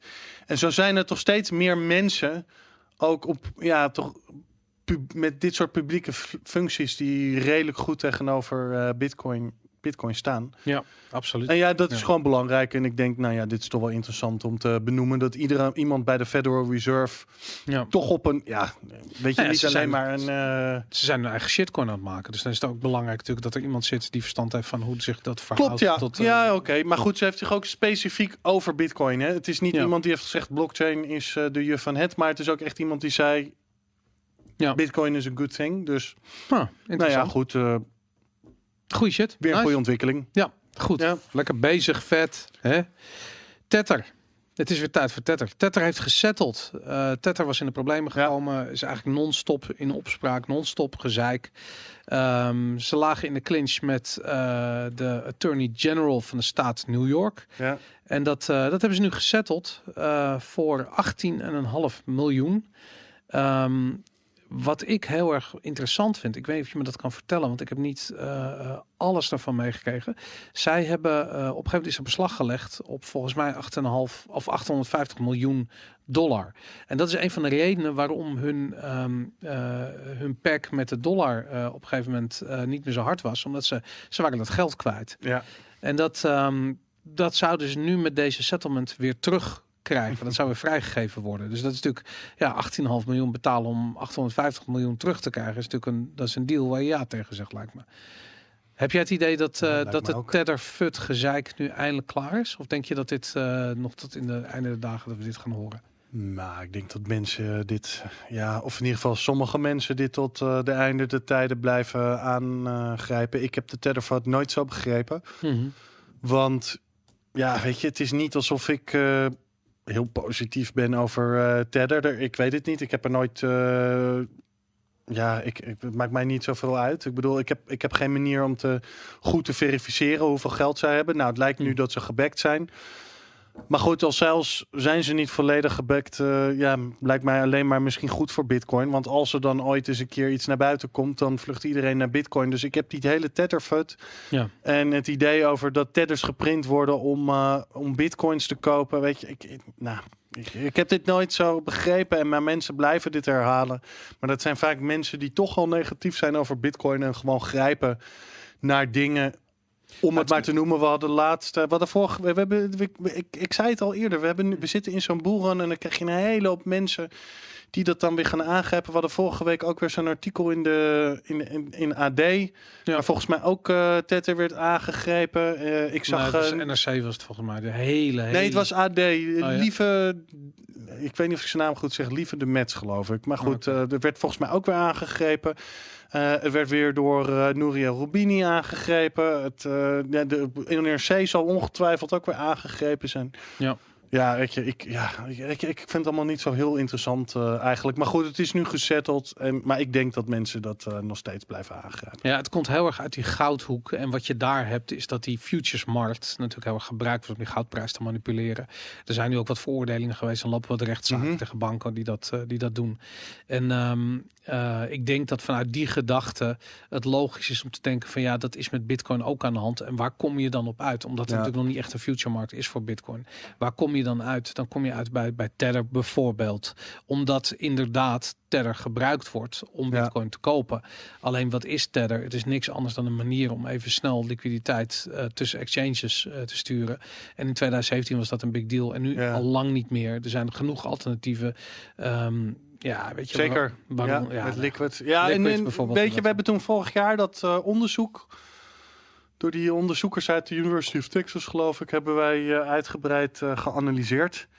Ja, en dat was gewoon, dat werd toen ook weer door allerlei mensen aangeslopen. En dat was echt, nou ja, laat ik het zo zeggen. Ik heb natuurlijk een tijdje gewerkt bij eh universiteit als docent. Mhm. Als even aan mijn studenten het had geschreven, had ik gelijk verteld dat ze beter iets anders konden gaan doen met hun leven. Ja, ja. Want eh, weet je, een, eh, een, een- nou, ik had ze misschien een 1 gegeven omdat ze hun naam erop konden zetten, bij wijze van spreken. Want het was zo, ik vond het zo slecht. Ik vond het Ja. echt gewoon zo van zo'n slecht niveau. Weet je, ik wil best entertainen het idee dat, eh, weet je, eh, ongedekte tedders eh, creëren misschien achter. prijsbewegingen van Bitcoin zit. Maar er is gewoon helemaal niks wat daarop lijkt. Sterker nog, het lijkt het tegenovergestelde. Dat als eenmaal pas als die Bitcoin-prijs omhoog staan, dat die tedders gedrukt worden. Dus ja, Ja. Weet je, ik ben er, ja, weet je, er zijn sommige, er, zijn, er, is, er is gewoon zo'n zo'n lijst aan fut wat voorbij blijft komen, waar sommige zijn halve waarheden en sommige zijn echt, ja. eh, ja, onwaarheden zal ik het maar noemen, of gewoon echt, eh, hoe Ja. noem je dat, red herrings of Ja, zoiets. ja, eh, ja. en dit is volgens mij een van de laatste. Kijk, want er zijn sommige dingen die er worden aangekaart, hè, bijvoorbeeld over bitcoin en energieverbruik, waar ik denk van, nou, het is niet allemaal pure onzin, maar het moet wel in de juiste context gezet worden. Ja. Maar, maar dit is er eentje van waar ik denk van, laat dit toch met rust. Maar goed, eh, ja. wat denk jij? Denk jij dat het nu over gaat zijn? Ik denk niet dat Nee, het over gaat niet. zijn. Nee, dit Nee, eh, blijft. Ik dacht ja. eigenlijk dat het al over was, maar het verbaast me. ehm, ja, het verbaast me gewoon dat, eh, ehm, ja, dat, dat mensen daarin blijven hangen nog in dat narratief. Maar goed, ik snap het ook alweer. eh. Ja. Trouwens, nog heel even over MicroStrategy. Ja, Ze hebben zojuist aangekondigd dat ze eh, opnieuw eh, een Bitcoin aankoop hebben gedaan. serieus? Deze keer 19.452 bitcoin hebben ze gekocht. eh, voor eh 1,026 miljard dollar in cash. Voor een gemiddelde prijs per bitcoin van 52.765 Wauw. per bitcoin. Ze hebben de dip gekocht. 19.000. 452 Zo, bitcoin. Dat zijn echt veel zeg. Ja. Hey, en eh, volgens mij zag ik ook dat Cash App deze week ook weer bitcoins aan het kopen was. Klopt dat? Maar die, Eh, hebben, die kopen er lang niet zoveel als, eh als MicroStrategies. Nou, wat, dat klopt. Dat is een puntje. Square. Oh, Square, Cash ja, App is sorry. van Square. Ja. Ehm, eh, wat zij hebben, ze hebben net een, een, een kwartaalcijfers bekendgemaakt. En daaruit kwam naar, naar voren dat Cash App gebruikers in totaal 4,57 miljard dollar aan bitcoin hebben uitgegeven dit jaar. Dus ik bedoel, ja, dat soort platformen. Best veel, Het is ja. echt fucking veel. Ja. Zelf heeft Square ehm eh 3318 eh, bitcoin eh, voor zijn eigen reserves eh, eh, gekocht. En daar hebben ze 170 miljoen dollar aan uitgegeven.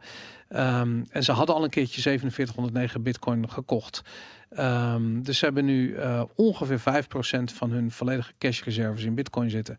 En dat is, ja, ik vind het niet slecht. ik bedoel, Nee, dat zijn er eh, dat behoorlijk gaat... eh, Wie wordt de volgende speler? Want we hebben een paar weken geleden Tesla gehad. ja, er gingen hardnekkig geruchten over Oracle. eh, Ja? Omdat de, oh ja, dat was waar. Ja, daar hebben we de- het nog over gehad. hebben ja. we het over gehad inderdaad. Ja, Larry eh Dinges. Larry El- eh, Ja, Ellis, ja. ja, Larry Ellis die eh, natuurlijk ook Ellison. Allison, die zit in de board bij Tesla eh, en eh, is natuurlijk de oprichter van Oracle. Dus dat is een bitcoiner geworden, ge, geredpilled door eh, Elon Musk. En die zou dan, of georangepilled, en die zou dan nu misschien met Oracle hetzelfde gaan doen. Ik denk eerlijk gezegd dat het duurt vrij lang om het te regelen met de SEC. Je moet aankondigen dat je dus een, een, ja, op een andere manier met je cashreserves omgaat. Ehm, maar je wil niet eh, eh, te zwart-wit zijn over wat zo? je van plan bent. Ja, daarom krijg je die rare... Ja, hangt- je- je het hangt er vanaf wat voor bedrijf je, maar die financiële Ja. instellingen moeten het van tevoren aankondigen.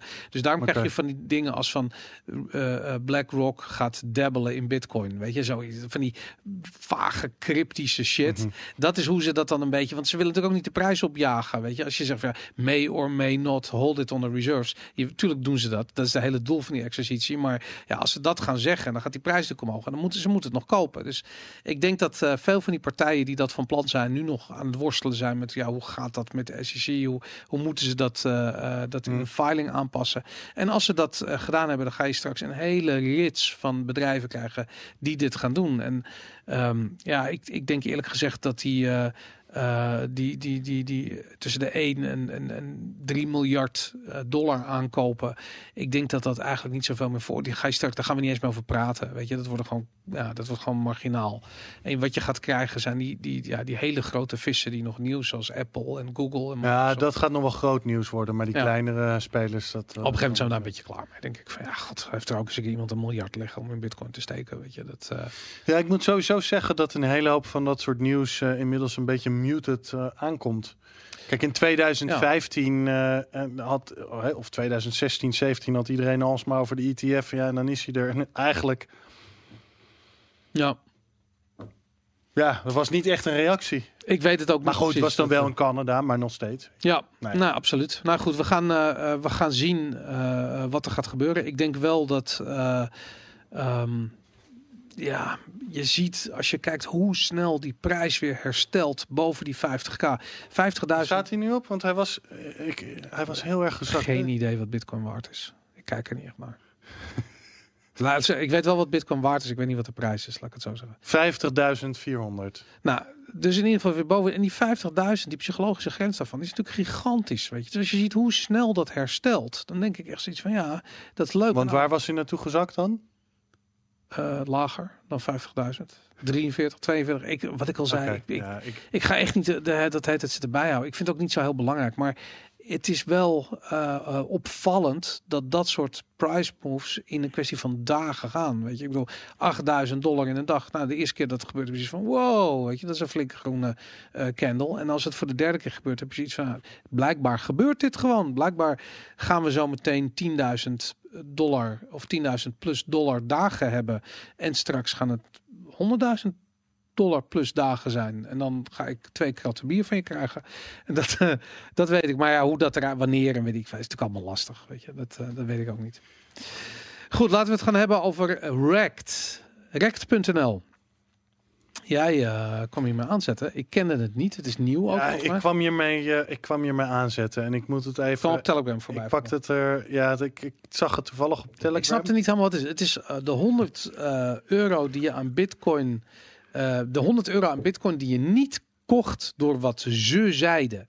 En dan krijg je dus allerlei Ja. eh, nieuwsberichten. Een goed voorbeeld is eh 2,3 jaar geleden een, een bericht in de quote met als kop: Heeft u nog Bitcoin? Vraagteken, koers zakt onder de 5000. En dan de tekst, de bubbel lijkt gebarsten. Ja, Hoewel we ja, met ja. dit schrijven weer, bla bla bla bla. Het zijn allemaal nieuwsartikelen waarbij als je 100 euro, het is een Nederlandse site, als je die, hè, als je naar die artikelen had geluisterd en je had 100 euro mhm. geïnvesteerd, hoeveel beter je dan af zou zijn geworden. Zo hebben ze bijvoorbeeld een van 38 geleden, van dagen geleden van IEX. Koers Bitcoin komt op bedaren naar recordopmars. Nou, als je daar niet naar had geluisterd, had je nu 140 euro gehad. Hier. Ja, het is de prijs die het nu. Dus, dit- dus dat, dat, eh Ja. dat quote-artikel, als je dat toen toch 100 euro had gekocht, had je nu 1085 euro. Nou, had je nu 100. Ja, ja, zoiets. Dus Zo was, werkt was het. Ja. keer 1000 procent. En dan heb je hier 985 een van 3,7 jaar geleden van Business Insider. Bitcoin is een bubbel, maar we willen er om deze reden toch in beleggen. Nou, dat klinkt niet eens zo heel erg negatief. Maar goed, dan had je van die 100 euro nu 1878 gehad. En eens even kijken. Ja, en dat zal wel... Ik vermoed dat dat aan de... Ja, dat zal automatisch bij worden gehouden aan de hand van de huidige koersen. En dus Ik vind het ook leuk dat er staan hele recente artikelen in. Dus bijvoorbeeld vier dagen geleden eh, heeft het NRC een artikel eh, geplaatst. Ja, welke eh, was dat nou van de NRC, Boris? Ja, Bitcoin saboteert het systeem. Het is een tergend, tergend opiniestuk. door iemand die ook betrokken is bij een grote pensioenverzekeraar. volgens mij Robeco. Die kerel heet Thijs van der Valk. En die heeft. Bitcoin saboteert het systeem. Ja, dus die heeft een, eh, die heeft een artikeltje geschreven eh, waarin die eh, met zijn zure harses eigenlijk gewoon alle bekende fut van Bitcoin nog eens een keer breed uit in de krant neerpent. En eh, nou goed, het is gewoon fucking verschrikkelijk, weet je. Dit soort mensen, dat het... Ja, wat ik meer heb gewoon van... Kijk, de bielen zullen er altijd zijn. Maar dat die mensen een platform krijgen in het NRC. En dan moet je ook eerlijk zeggen, weet je, wat de fuck is het NRC? Ik bedoel, als je een abonnement hebt toch op... een degelijke krant? Nee man, het is... eh, Ja, niet met alles, maar... Wat een, wat een gelul, weet je. Nee, maar je, dat, dat ding, hè, van ja, maar niet met alles. Maar er zijn heel veel onderwerpen in die krant waarvan Er staan ik- ook goede stukken over Bitcoin in. Ik heb ook wel eens goede stukken in, In het NRC? Ja, ja, maar dit is gewoon een opiniestuk. Ik bedoel, Dat begrijp ik, toch, ja. eh, mensen mogen... ja, eh, weet je, kijk, ja. nee, maar luister, wacht even. Want dit is, eh, kijk, ik ken deze man niet, eh, maar ik ben er wel van overtuigd dat heel, ik ken hem niet, maar stel, hè, jij bent, eh, je hebt behoorlijk veel kennis van het financiële en monetaire systeem, Mhm. maar je hebt niet zoveel kennis van Bitcoin. En je ziet Bitcoin voorbij komen en je ziet, ik zeg niet dat het een piramidespel is, natuurlijk niet. Dat zeg ik zeker niet, dat is het ook niet. Maar je ziet wel iets wat eigenschappen lijkt te hebben van een piramidespel. Je ziet op Twitter, op Reddit zie je allerlei mensen die het over number go up technology en allerlei memes hebben. Je ziet eh Dogecoin eh, investeerders eh, samensweren om de prijs van Dogecoin omhoog te gooien. Je hoort zijdelings ergens dat Bitcoin de hoeveelheid energie Hmm. van, van Brazilië gebruikt. Of wat, welk land het tegenwoordig Ja. ook mag zijn. Je, je, je leest bijvoorbeeld in het NRC dat ehm, Al-Qaeda Bitcoin gebruikt voor zijn transacties. Kijk, ja, weet je, hoe, dan kan ik maar. Kijk, ik zou dan. De reactie zou dan moeten zijn: oké, maar ik weet er niet zoveel vanaf. Misschien kan ik er beter niet een heel sterk opiniestuk over schrijven. Maar ik snap ergens wel waarom mensen die misschien niet helemaal er diep in. Ik snap ook trouwens mensen die wel heel diep in Bitcoin zijn gezomen, Mhm. gestoken, eh, Ja. zijn gedoken, sorry. Die sceptisch zijn, maar dan Ja. niet om deze redenen vaak. Want je kunt wel sceptisch zijn over, over Bitcoin. Maar ja, dit zijn dan wat meer de standaard fut. Ja, maar dit is eh, gewoon, dingen, het, het zijn zijn, ja. die, die, die, die, maar ik snap het ergens Die- wel. Als je hier als buitenstaander naar kijkt, dan kan ik nee, me best man, ik snap het helemaal niet. Weet je, Jawel, ik bedoel, ik kan een, eh, als ik als buitenstaander kijk naar de bloembollen business, waar ik echt de ballen van weet, dan, eh, dan ga ik toch ook niet opiniestuk in de NRC schrijven erover. Wat de fuck is dat nou weer? Weet je, ik bedoel, deze gast die heeft zoveel aannames, doet hij, nog voordat hij begonnen is met schrijven, dat je gewoon een hele pijnlijke nagels over het schoolbord eh, eh, opstel van hem krijgt. En ik ga je een voorbeeld geven. Hij zegt op een gegeven moment eh, dat liefhebbers van Bitcoin vaak jong, licht nerdy en bovenal gefascineerd door tech te zijn. Waar de Nou, dat fuck? klopt toch ook wel? Nee, dat komt helemaal niet. Ik bedoel, ik, mensen zijn net zo gefascineerd door het monetair systeem wat in elkaar aan het klappen is. Of ze zijn gefascineerd door eh, het gebrek Ja. aan eh, eh, mogelijkheden voor mensen in Afrika om te bankieren, weet ik veel. Iedereen heeft zijn eigen reden om Bitcoin te ontdekken. Eh, voor mij, wa- voor mij was Ja, het nee, videogames, weet je. Ja, nee, maar, maar maar deze guy, ja, maar deze, dat, dat de hele tijd die ingewikkelde zaken, eh, weet je, ik wil. Ik, ik, ik, ik snap echt wel dat je de nuance een beetje vermijdt omdat je een punt wil maken met zo'n artikeltje. Maar hij heeft fucking 1200 woorden geschreven over dit onderwerp. Begrijpt er de echt serieus van de hoed en de rand. Hij heeft geen idee waar hij het over hebt. Ik heb deze niet gelezen, maar ik had die in het AD wel gelezen. En ik ben er, ja, weet je, ik, heb- ik heb er eigenlijk gewoon niet zo'n zin in, joh, om al dat soort stukken te lezen en het daar uitgebreid over te hebben. Want eh, Maar nog eentje, daar ik ga naar. Wat valt er te zeggen over de oorzaak van de explosieve stijging van de uh, van van Laat me raden, het is wat van een de. Bitcoin. Nee, nog net niet. Uh, hij, nee, hij, kwam, hij heeft het anders voor. Hij zegt, die is te begrijpen als een vulkaanuitbarsting die het gevolg is van drie op drift geraakte maatschappelijke en economische aardplaten. Wat de fuck is er mis met je? Weet je? Ja, ja. Ik bedoel, ja, Boris, ik weet het niet. Eh, maar wat, waar heeft hij dan? Een Financieel, economisch, maatschappelijke aardplaten. we gaan hem een keer uitnodigen. Hij zal Nee, helemaal niet. niet Ik- willen komen. Ik maar- wil, ge- ik wil niks met dit soort mensen te maken hebben. Wat een onzin. Nou goed, ik heb het niet gelezen, dus ik kan er niet zoveel over zeggen. Maar ik heb wel die in het AD gelezen. En daar heb ik gewoon eens even... Kijk, het probleem is met heel veel van die artikelen... is dat er heel veel van die punten... je kunt niet zeggen, het is feitelijk compleet onjuist... maar het wordt, er wordt heel veel uit context getrokken. Er worden halve waarheden verkondigd. Maar zelfs in dat artikel kon ik gewoon vier dingen vinden... die gewoon feitelijk onjuist waren. Ja. Dus eh, hij gaf een definitie van de term miners die, eh, niet, eh, die niet klopte. Mhm. Uh, hij gaf uh, een hoeveelheid... Is dat het artikel in bitcoin beleggen? Vraagteken alleen te verkopen ja, aan gek die er nog meer voor Hij gaf een hoeveelheid bitcoins die geproduceerd worden wat niet klopte. Hij gaf Hmm. een hoeveelheid transacties per seconde die niet klopte. En zo had hij er, nog, en had er nog een paar. Dus, ik, ja, ik, ik, ik, moet je wel zeggen, die, die, die site waar, waar dit over begon, rect.nl, is een fantastisch overzicht. Want je kunt op datum sorteren van alle fut die er... Uh, want kijk, je kunt hier gewoon... Je ziet eigenlijk ja. in één oogopslag... Uh, wat er de afgelopen dagen aan bullshit is gepubliceerd over Bitcoin. Dat is echt uh, heel interessant. Ja. ja, nou ja, goed. Weet je, ik, um, ik, snap, ik snap erg. Ik, ik vind het heel goed dat mensen sceptisch zijn. Alleen wat ik niet snap is dat er dit soort hele uitgebreide, gepassioneerde opiniestukken worden geschreven. Als je duidelijk toch wel een en ander aan kennis mist. Dat snap ik niet. Maar goed, dat, Waarom? eh, dat, je snapt niet dat mensen niet weten wat ze niet weten. Want dat is gewoon... Dat, dat nee, maar dan lijkt het mij op, ja, waarom ga je dan zo gepassioneerd een, eh, een, een- maar goed, oké. Ik zal je de antwoord Ik, geven eh, op die vraag. Omdat ze een eh, te groot ego hebben en een te groot bord voor hun kop om te zien dat ze heel veel niet weten. En die combinatie van domheid en een groot ego is. Ja, maar eh, deze mensen zijn niet dom, Boris. Kom op. Deze mensen zijn absoluut heel dom. Ja, dat de- En dit ja, is, dat dit is wat ja, Taleb zegt. dus nee, nee, nee. Dit is wat Taleb zegt. Kijk, dom is niet dat mensen wel of niet een studie hebben afgemaakt. Taleb noemt dit de smart dumb people. Of de dumb smart people. Dat zijn mensen die zijn afgestudeerd en zo ontzettend vastzitten in hun, in hun, in hun wereldbeeld. Dat ze niet in staat zijn om er overheen eh, te kijken en te zien wat er nog meer is. En hij zet daar tegenover, dat heeft hij altijd zijn Fat Tony, is dan altijd zijn voorbeeld. Dat is een beetje de straatgast die niet gestudeerd heeft, Ja. maar die maar aan twee woorden genoeg heeft om te zien waar die geld kan verdienen. En dat is het grappige aan dit soort gasten. Deze eh, eh, Thijs Huppeldepup, die kan van hebben staying poor, omdat hij er geen fuck van begrijpt en niet in staat is om zijn eigen domme Mhm. bubbel te, door te prikken. Maar Fat Tony, die Ja. staat gewoon bitcoin te kopen, omdat hij gewoon ziet van, hey, hier gaat eh, iets gebeuren. En ja, weet je, dat, eh, je mag dat wel degelijk domheid noemen hoor.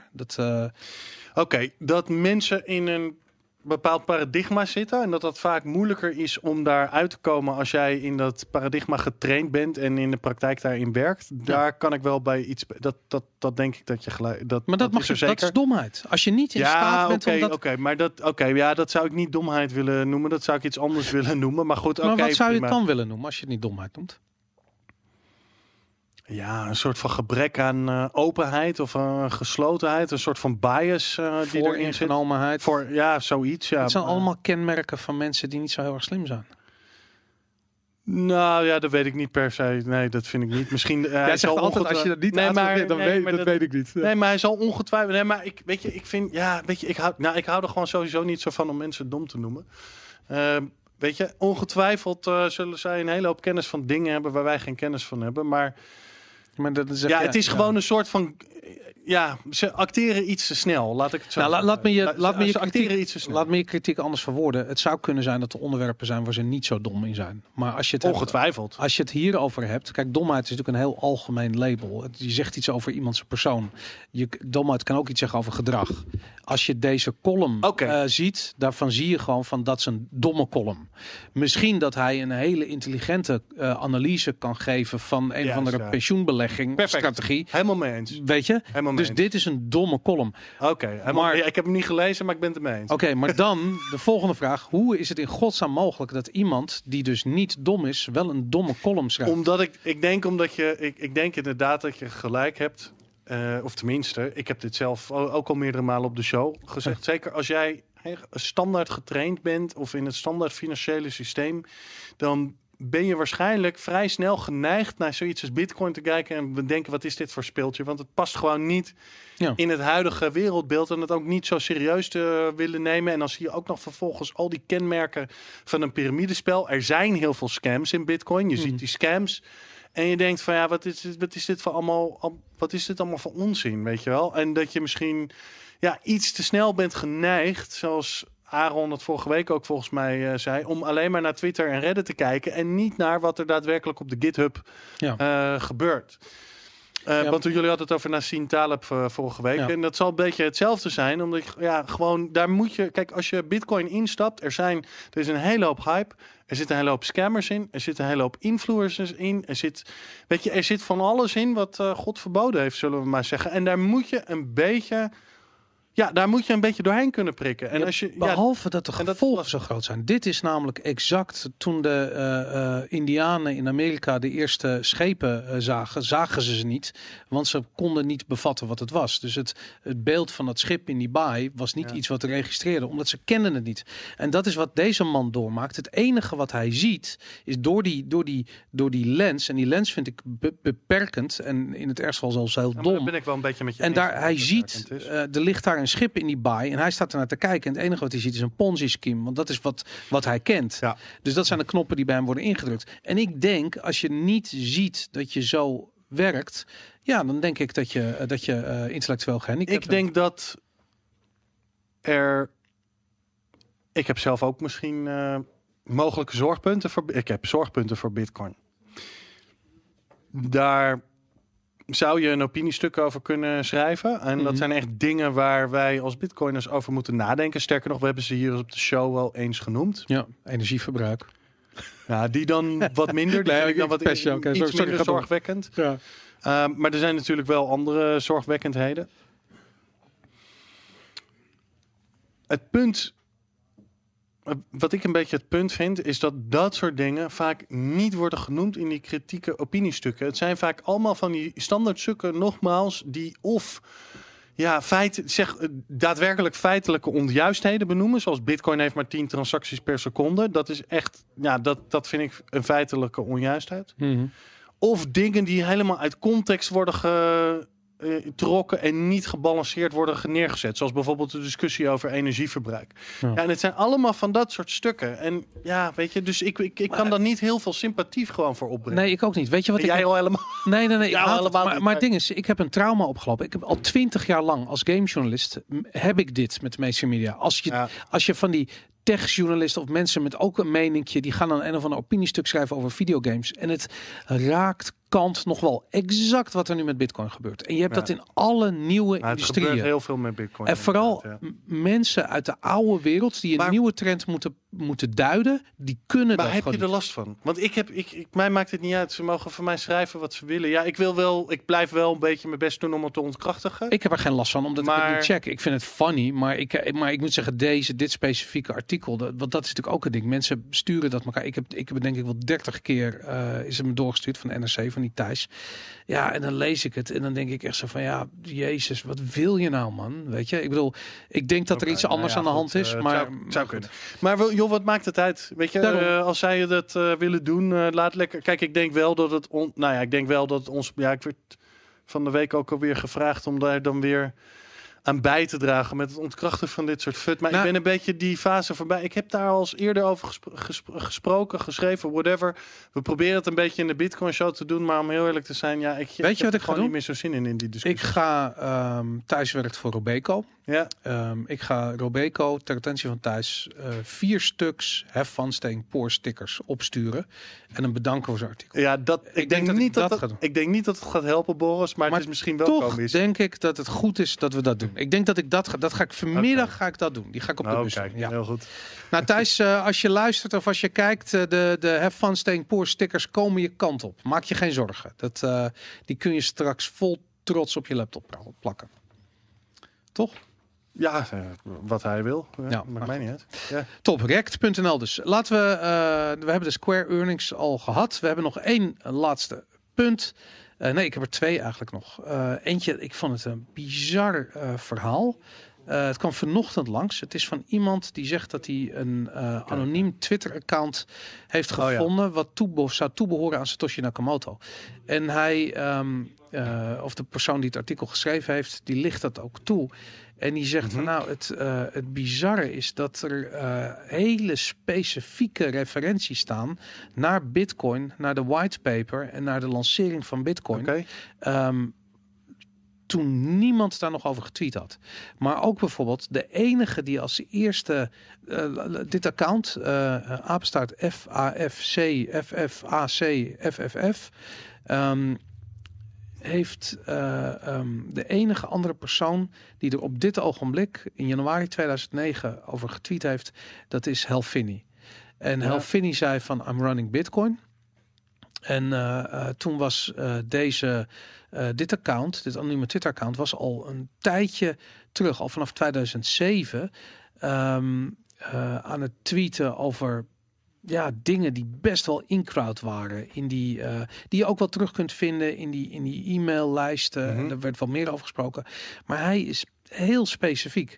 En dat, ehm, eh, wat ook interessant is, is dat hij heel veel referenties doet naar eh, de Store of Value en Digital Gold. Ehm, hij heeft het vaak over gold, maar dat zou dan slaan op BitGold, wat natuurlijk een, Ja, een voorloper van Bitcoin was. Het zou ook kunnen zijn dat het idee van eh Helfini. ja, inderdaad. Misschien dat het ook iemand is die daar ehm, uit, uit de hoek die daarbij betrokken was. Wat ook zou kunnen is dat het, eh, dat, dat vond ik eigenlijk nog wel het leukste argument. Hij zei van ja, eh, Satoshi Nakamoto was heel chatty. Was echt iemand die was constant aan het, was actief op fora en in die e-maillijsten. Was heel erg geneigd om eh, te reageren op feedback. Was niet iemand die één keer in de maand een keer een reactie plaatste, maar was daar heel erg mee bezig. En dat is met dat, met dat, met dat Twitter-account ook. Hmm. Ik ben heel benieuwd wat Aaron ervan vindt, omdat het. Ja, wou net zeggen. ja, die Bitcoin-geschiedenis is helemaal zijn ding Misschien kan hij volgende week er toch iets over zeggen. Maar dat, ehm, ja, ik vond het interessant. En eh, eigenlijk vind ik het, eh, is het lang geleden dat ik het idee heb dat er iets nieuws is opgedoken waarvan gezegd wordt van, hé, hey, dit heeft te maken met de ja, grondleggers van Bitcoin. Maar we hebben geen idee wie verbonden was aan dat account. Hè? Nee, maar dat zou Twitter bijvoorbeeld weer wel weten. Maar goed, dat kan natuurlijk ook gewoon via een Kan VPN, weet ik ja. fake eh, name of zo? Of, Ja, oh nee, absoluut. Maar gewoon IP-adressen, dat soort dingen. Maar goed, dat, dat, dat zal Twitter ook niet doen, weet je. Maar het, eh, ehm, ja, het is, het is interessant. Ja, Dus dat. Hey, dan had ik nog eh, even kijken, één dingetje. Ehm, even kijken, er is een. eh, ik moest er een beetje om lachen, maar. ehm, ehm, wat was het laatste? wacht even, ik moet hem even zoeken. Ik zoek hem er even bij. Doe hem gewoon helemaal live. Een artikel op eh Cointelegraph. Ja, een exchange in, in de Filipijnen volgens mij. Oh ja. PDEX heeft eh, door, een, door een glitch, tussen aanhalingstekens, dat is een mooi woord, de glitch, ehm, zijn bitcoin prices met 88% zien dalen.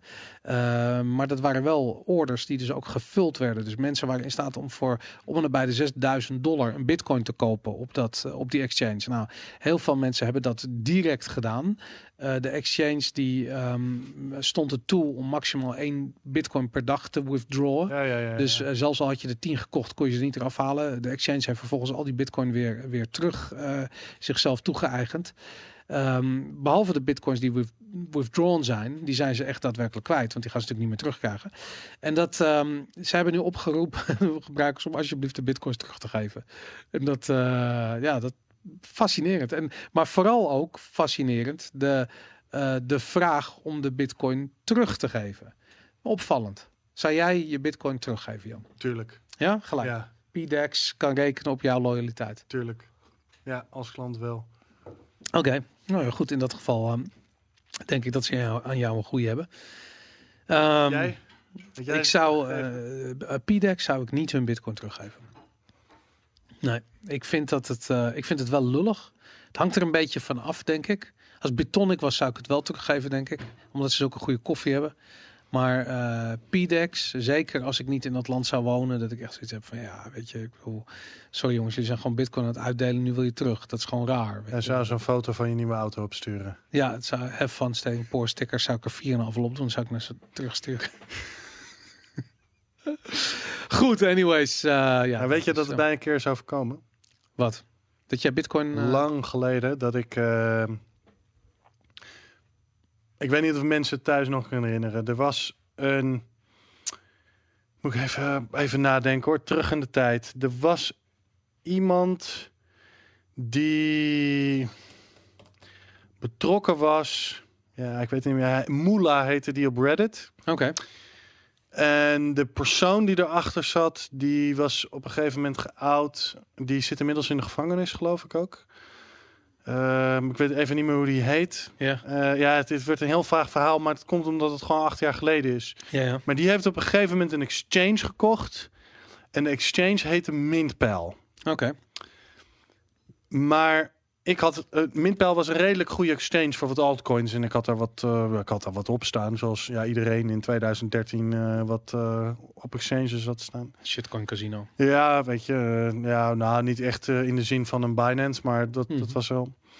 Goed, dus ik had daar wat op staan. En, maar hij, ja, ik weet even niet meer waar hij van was. Hij was ergens anders bij betrokken. Ik geloof bij de Dogecoin gemeenschap. Iets met, met ook een exchange volgens mij. Ik kan me het even niet meer goed herinneren. Mhm. Maar op een gegeven moment hoorde ik dat hij die exchange ging kopen en overnemen. Terwijl die al ja, bij dubieuze dingen betrokken was. Ook al überhaupt voordat hij überhaupt in cryptocurrency zat, was hij ook bij dubieuze dingen.